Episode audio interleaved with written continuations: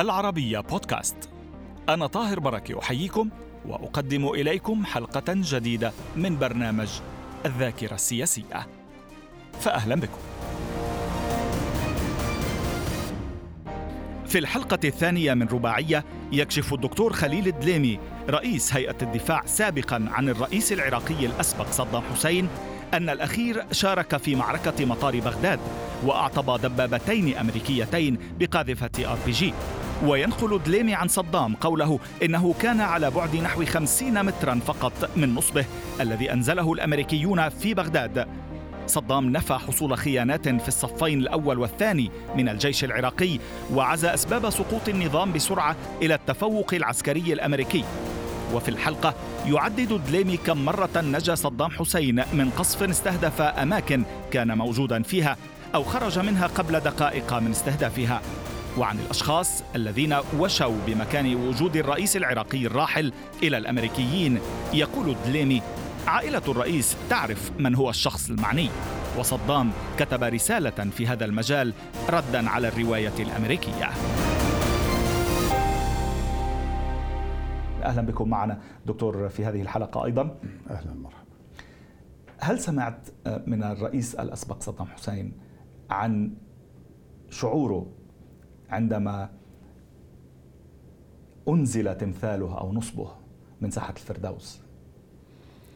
أخبرني بعد أن قاتل الأمريكان على يم عند جامع الطبول بعدها آه، ذهب إلى منطقة المنصور ومن منطقة المنصور ذهب إلى مدينه الثورة أو مدينة ما يسمى الآن مدينة صدر. ضيعوا يعني هنا آه، فقدوا المصور. فيقول أنا يعني من ساحة التحرير شفت ناس يعني يركضون مواطنين يركضون شباب وصبية وكبار. فوقفت الحماية سألوا واحد يعني سألوهم قالوا لهم ليش تركضون؟ قالوا لهم التمثال مال صدام بده يوقعوه. فكان الرئيس يبعد يعني من 50 إلى 100 متر عن النصب. عن إسقاط النصب عن إسقاط النصب نعم. يعني رأى ذلك رأى بأم عينه؟ نعم نعم. يعني قال هو النصب يعني هم العراقيين خلوه. لكن أني اللي يعني كان متأثر بال يعني العراقيين بعض اللي كانوا متجمهرين بهاي الطريقة أكيد كان والنصب يعني يروح نصب يجي نصب. يعني ما شكليات يعني. شكليات. ما يأثر. لكن كان هو يعني على مرأى من عنده. آه، دكتور خليل آه، الكثير من آه، يعني مما أتى على لسان الرئيس العراقي الأسبق صدام حسين ونقله لك في جلساتك الطويلة معه ما يعتبر أيضا يعني مذكرات صدام حسين نفسه قبل أن تكتب أيضا في كتاب آخر مذكراتك الشخصية حضرتك نعم. ولكن ضمنت ذلك أو جزء كبير من ذلك في كتابك الأول هذا ما حدث لماذا قال لك صدام حسين لماذا لا تحاسب أمريكا إيران بل تحاسبنا نحن في موضوع حلبجة تحديدا. الرئيس صدام حسين الله يرحمه وكل القيادات العربية الآن يعني مدركين أنه هناك تعاون استراتيجي ما بين أمريكا وإيران وحتى إسرائيل. هدفهم يعني كل هاي الدول هدفهم العرب وهدفهم الأمن القومي العربي. للموقع الجيوسياسي للموقع الجيوإقتصادي لأهداف بعيدة المدى. فإيران أمريكا أعلنت بالثمانينات احتواء المزدوج للعراق وإيران.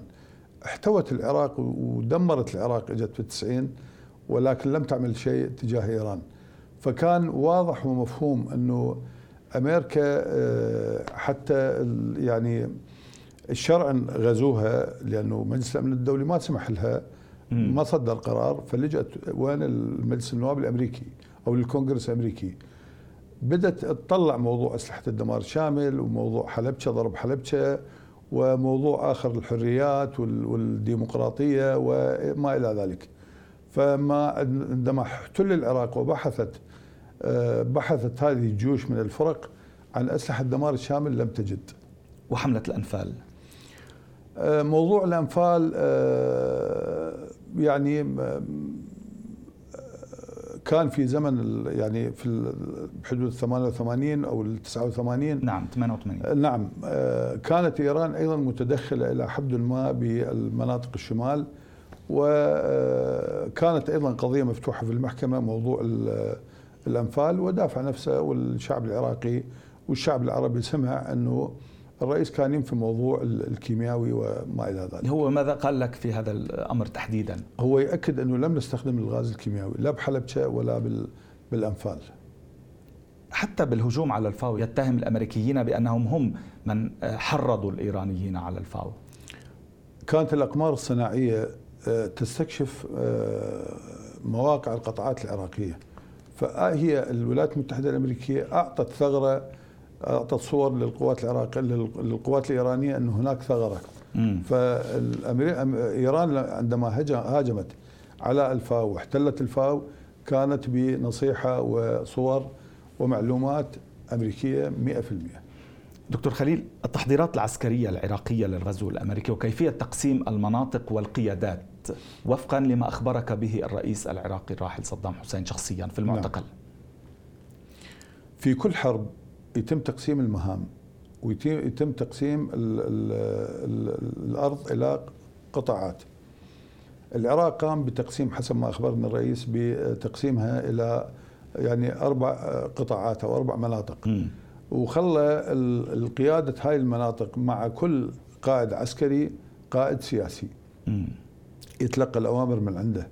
فحسب التقسيم اللي حضرتك اطلعت عليه نعم. الشمال الوسط الجنوب قسمين القاطع الغربي وكلها لها قيادات ضمن مناطق القتال الميداني. بس كنت تفهم منه إنه كان يعتقد إنه في جهوزية عند القوات العراقية لكي تقاوم؟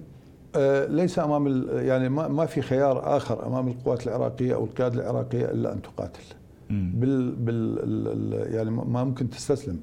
يعني تقاتل بالقوات الممكنة مع فارق يعني فارق القوة يعني الفرق هائل ميزان جداً. القوة نعم ميزان القوة بماذا أخبرك الرئيس العراقي الراحل عن قتاله شخصيا في شوارع بغداد القوات الأمريكية وماذا حقق في ذلك؟ أخبرني أنه عند جامع أم الطبول أعطب دبابتين أمريكية واعترض على هذا بالسلاح الار بي جي 7 المحمول على الكتف واعترض المرحوم طه ياسر رمضان على الرئيس قال له هذا تصرفك يعني ما يعني أنت قائد أنت مو جندي حتى تقاتل.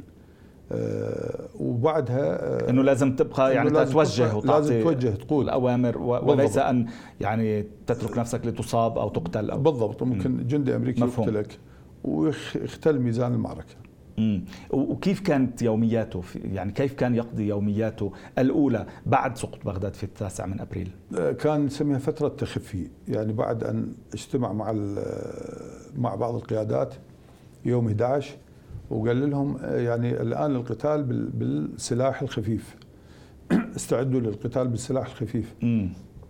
ويوم 11 أخبرني إنه طلب من حمايته ومرافقيه آه، الذهاب يعني كل سبيل حاله وأبقى عناصر بسيطة جدا واتجه إلى مدينة رمادي وتحديدا إلى عند عائلة الخربيط عائلة عربية الشيخ مظهر الخربيط الشيخ نعم. مظهر سجلنا معه نعم وحصل ما حصل دكتور خليل آه، هل تحدث لك عن خيانات في صفوف القوات المسلحة؟ أكد وأنا أكد لم تكن خيانة في الصفوف في القيادات الأولى ولا القيادات الصف الثاني على الإطلاق. القادة العراقيين قادة كلهم أبناء عشائر سواء من الشمال أو الجنوب أو الوسط أو المناطق الغربية وعندهم يقاتلون بعقيدة عسكرية عراقية مبنية على مبدأ والعراق مؤتدى عليه. فلا أكد لا خيانة لا في الصف الأول القيادة العسكرية ولا في الصف الثاني. وما حصل هو تسريب لبعض يعني الجنود والقوة دائما يعني تبنى على يعني الجنود صعودا. بس كيف فسر لك آه، صدام حسين سقوط النظام بهذه السرعة ودخول آه، يعني اكتمال الاحتلال بسرعة؟ عدم تكافؤ القوة يعني القوات العراقية كانت تقاتل بدون آه، غطاء جوي. لا سمتي ولا حربي. الفرق شاسع جدا بين السلاح الأمريكي والسلاح العراقي المتهالك، العراق محاصر أيضا منذ 1990 يعني 13 سنة محاصر. فأمر طبيعي ونقاتل قوة عظمى معها 40 دولة. م. يعني أكيد الموضوع مختلف تماما. هذه الأسباب التي قالها لك؟ والسبب الآخر استخدام أمريكا للسلاح النووي التكتيكي الديزل bomb وال Hellfire في بغداد. ولد صدمة يعني عندما الجندي العراقي يشوف الدبابة تنصهر أمامه وتتحول إلى سائل. وهول الضربة يعني ولد يعني إلى إلى يعني تداعياته. هل تأكدت دكتور خليل من الرئيس العراقي الأسبق بخصوص المعركة التي تحدثت معلومات أنه قتل فيها ألفا عنصر من القوات الأمريكية ولكن هناك معلومات تقول أن القوات الأمريكية غطت على هذا الموضوع وأن الرئيس العراقي الأسبق كان مشاركا في هذه العمليات؟ نعم. أخبرني مشاركة فعالة من, من قبل آه، في هذه المعركة معركة المطار. واشترك أيضا هو طبعا سلاح بي 7 وأكد في أحد المرات آه، كان يعني كن يعني أثناء زيارتي له قبل الجلوس كنا واقفين أنا والرئيس الله يرحمه والجنرال آه، الأمريكي ويليام ستيل. فصار آه، حديث يعني سألني كيف الوضع؟ قلت له يعني الأمريكان سلموا العراق لإيران. فكان عصبي وكان يحكي ويا الجنرال قال له أتحداكم تعلنوا عن الشعب الأمريكي وللعالم أن تعلنوا عن خسائركم اللي بلغت أكثر من 2000 جندي ماريز من خيرة القوات. قتلتهم القوات العراقيه خلال معركة المطار خلال معركة المطار وطبعا ما جاوب هذا القائد بقى ساكت وبعدين طلع أين كان صدام حسين ليلة الغزو؟ كان في بغداد ولكن كان يعني آه، ترك القصر طبعا خارج القصر هو م. كان في المزرعة وعندما يعني قصفت المزرعة قبل قصفها آه، بدقائق خرج منها. م. آه أين كان عند سقوط بغداد؟ يوم عشرة انتقل من شارع المطار إلى المنصور إلى الثورة آه، وطلع في مدينة الثورة أو مدينة الصدر. آه، طلع يعني ظل يتنقل نعم. في منازل عراقيين مواطنين لا لا عاديين؟ لا لا كان يتنقل بشكل علني ومعاه مرافقية. وبعدها آه، انتقل إلى العظميه وهناك التقى بالمقاتلين العرب والتقى بالأهل العظمية وأهل العظمية معروفين بوطنيتهم ما كان يتخفى؟ يعني في تلك الفترة؟ هنا ضربت عليه الأحادية مال أحد المدرعات الأمريكية. مم. ضربت فانصاب بشظية قال الإصابة كانت طفيفة. بعدها بخاصرته؟ بخاصرتها. بعدها انتقل إلى منطقة خارج بغداد وطلب من مرافقي التفرق وهو نزل بزورق وعبر على الضفة الثانية وإجا محافظة الأنبار إلى بيت عائلة الخربيط. وبعد ذلك كان بعد من المفروض أن يبدأ بالتخفي بعد ذلك نعم لأنه صار بعد مستهدف. أن بعد أن انقصف طلع إلى منطقة هيت ومن منطقة هيت آه، انتقل إلى محافظة صلاح الدين وبدأ من هناك يقود فصائل المقاومة. قصة دعوة صدام حسين قياداته أو بعض قياداته بعد الغزو مباشرة إلى اجتماع في أحد المطاعم عندما تغيب عنه أحد القيادات المهمة جدا ليكتشف صدام حسين خدعة أو أن البعض قد خانه فعلا. ما الذي حصل؟ طبعا سر آه، عدم آه، قدرة الولايات المتحدة الأمريكية على أو القوات الأمريكية أو الإقمار الصناعيه على تحديد مكان رئيس هو استخدامه لأماكن بديلة. فأحد هذه الأماكن البديلة اللي اضطر أثناء الحرب يجتمع فيها حكى لي دعاهم في اجتماع إلى في مطعم الساعة. وحال وصول الرئيس آه، حسب ما ذكر لي انتبه إلى عدم وجود شخص. لم يذكر اسم الشخص. طلب من عندهم الخروج من الاتجاهين من الجانبين. بعدهم يعني بالقرب من المطعم وانقصف قامت الطائرات بقصفه هل عرفت من كان ذلك الشخص؟ لا لا لم أعرف. لم يحدثني عنه. لم يذكر اسم الشخص. لم يذكر لا تصريح ولا تلميح.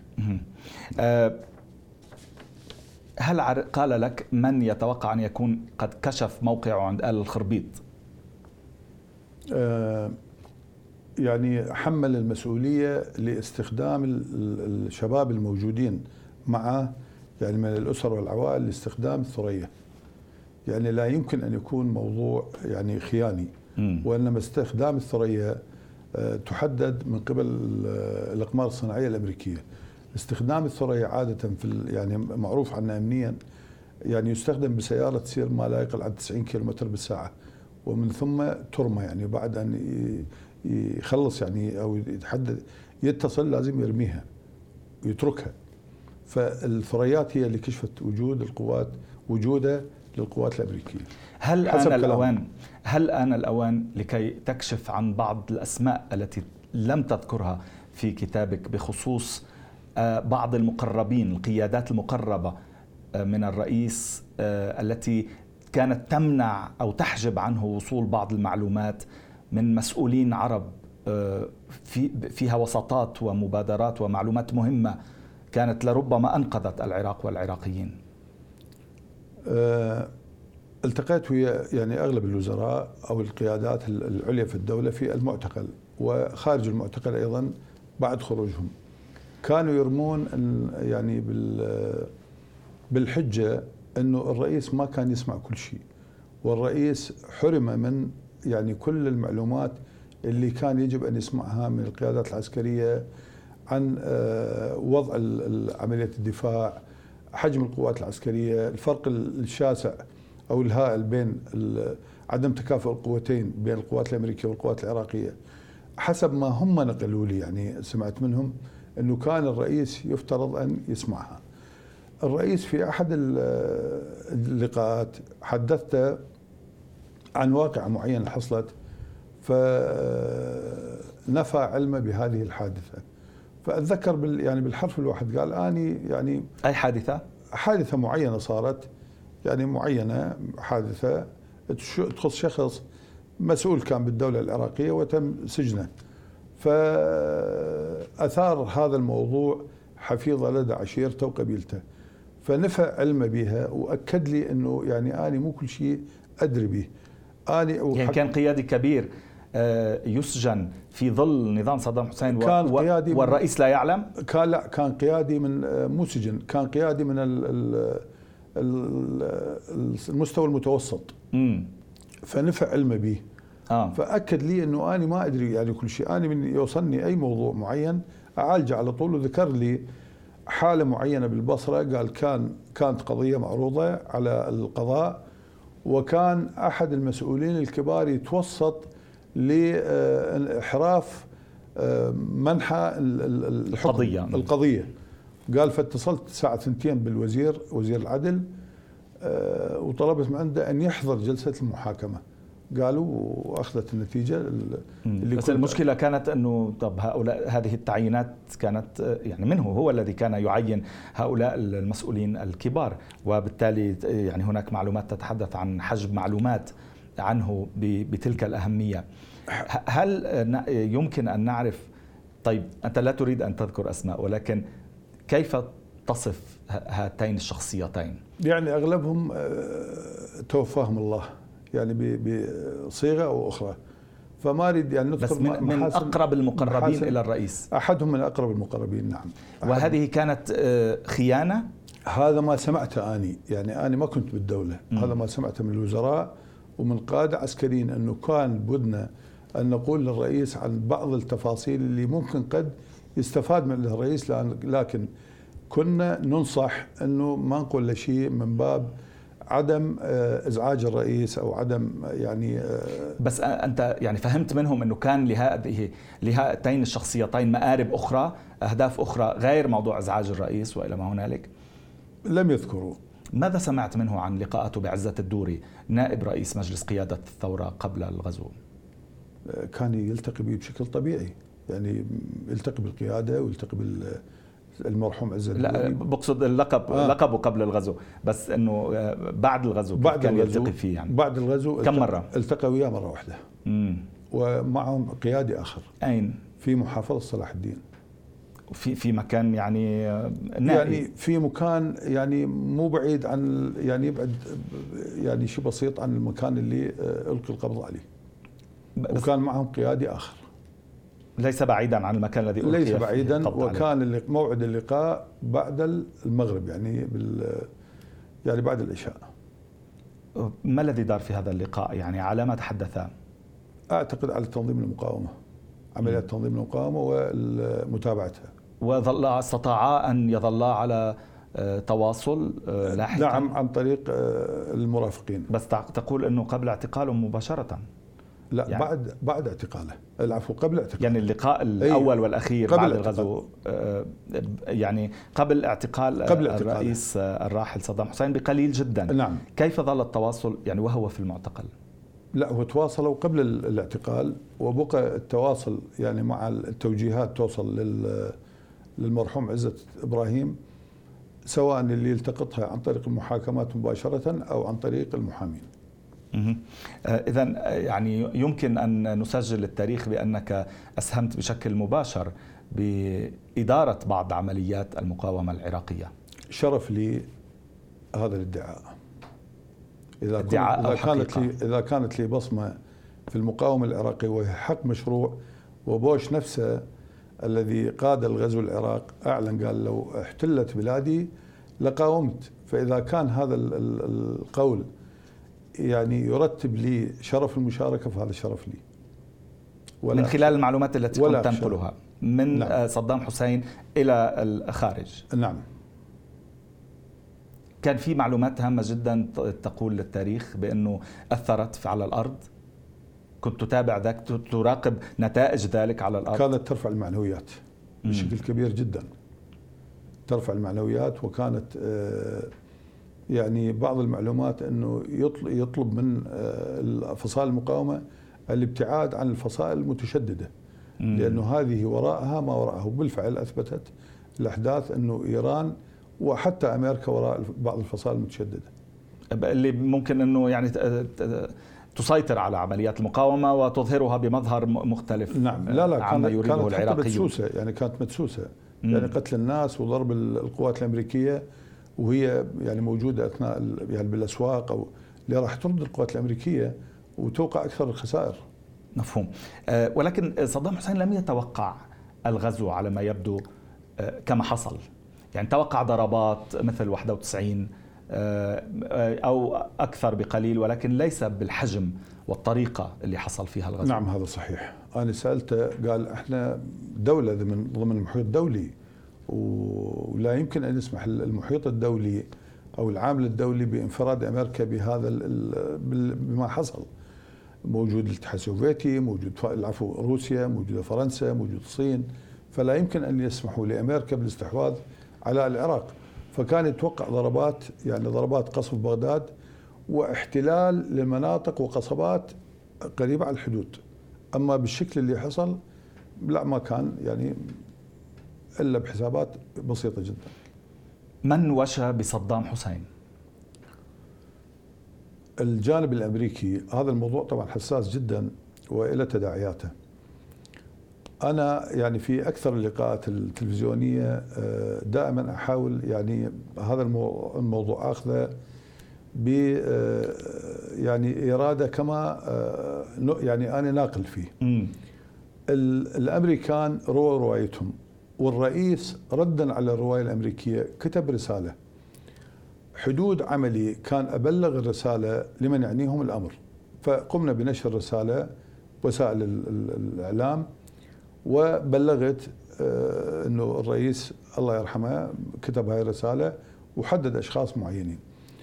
أنا من الناحية الشخصية لا أتبنى أي من الروايتين، الشعب العراقي وأقرباء الرئيس وعائلة الرئيس يعرفون حقا من الذي وشى بالرئيس.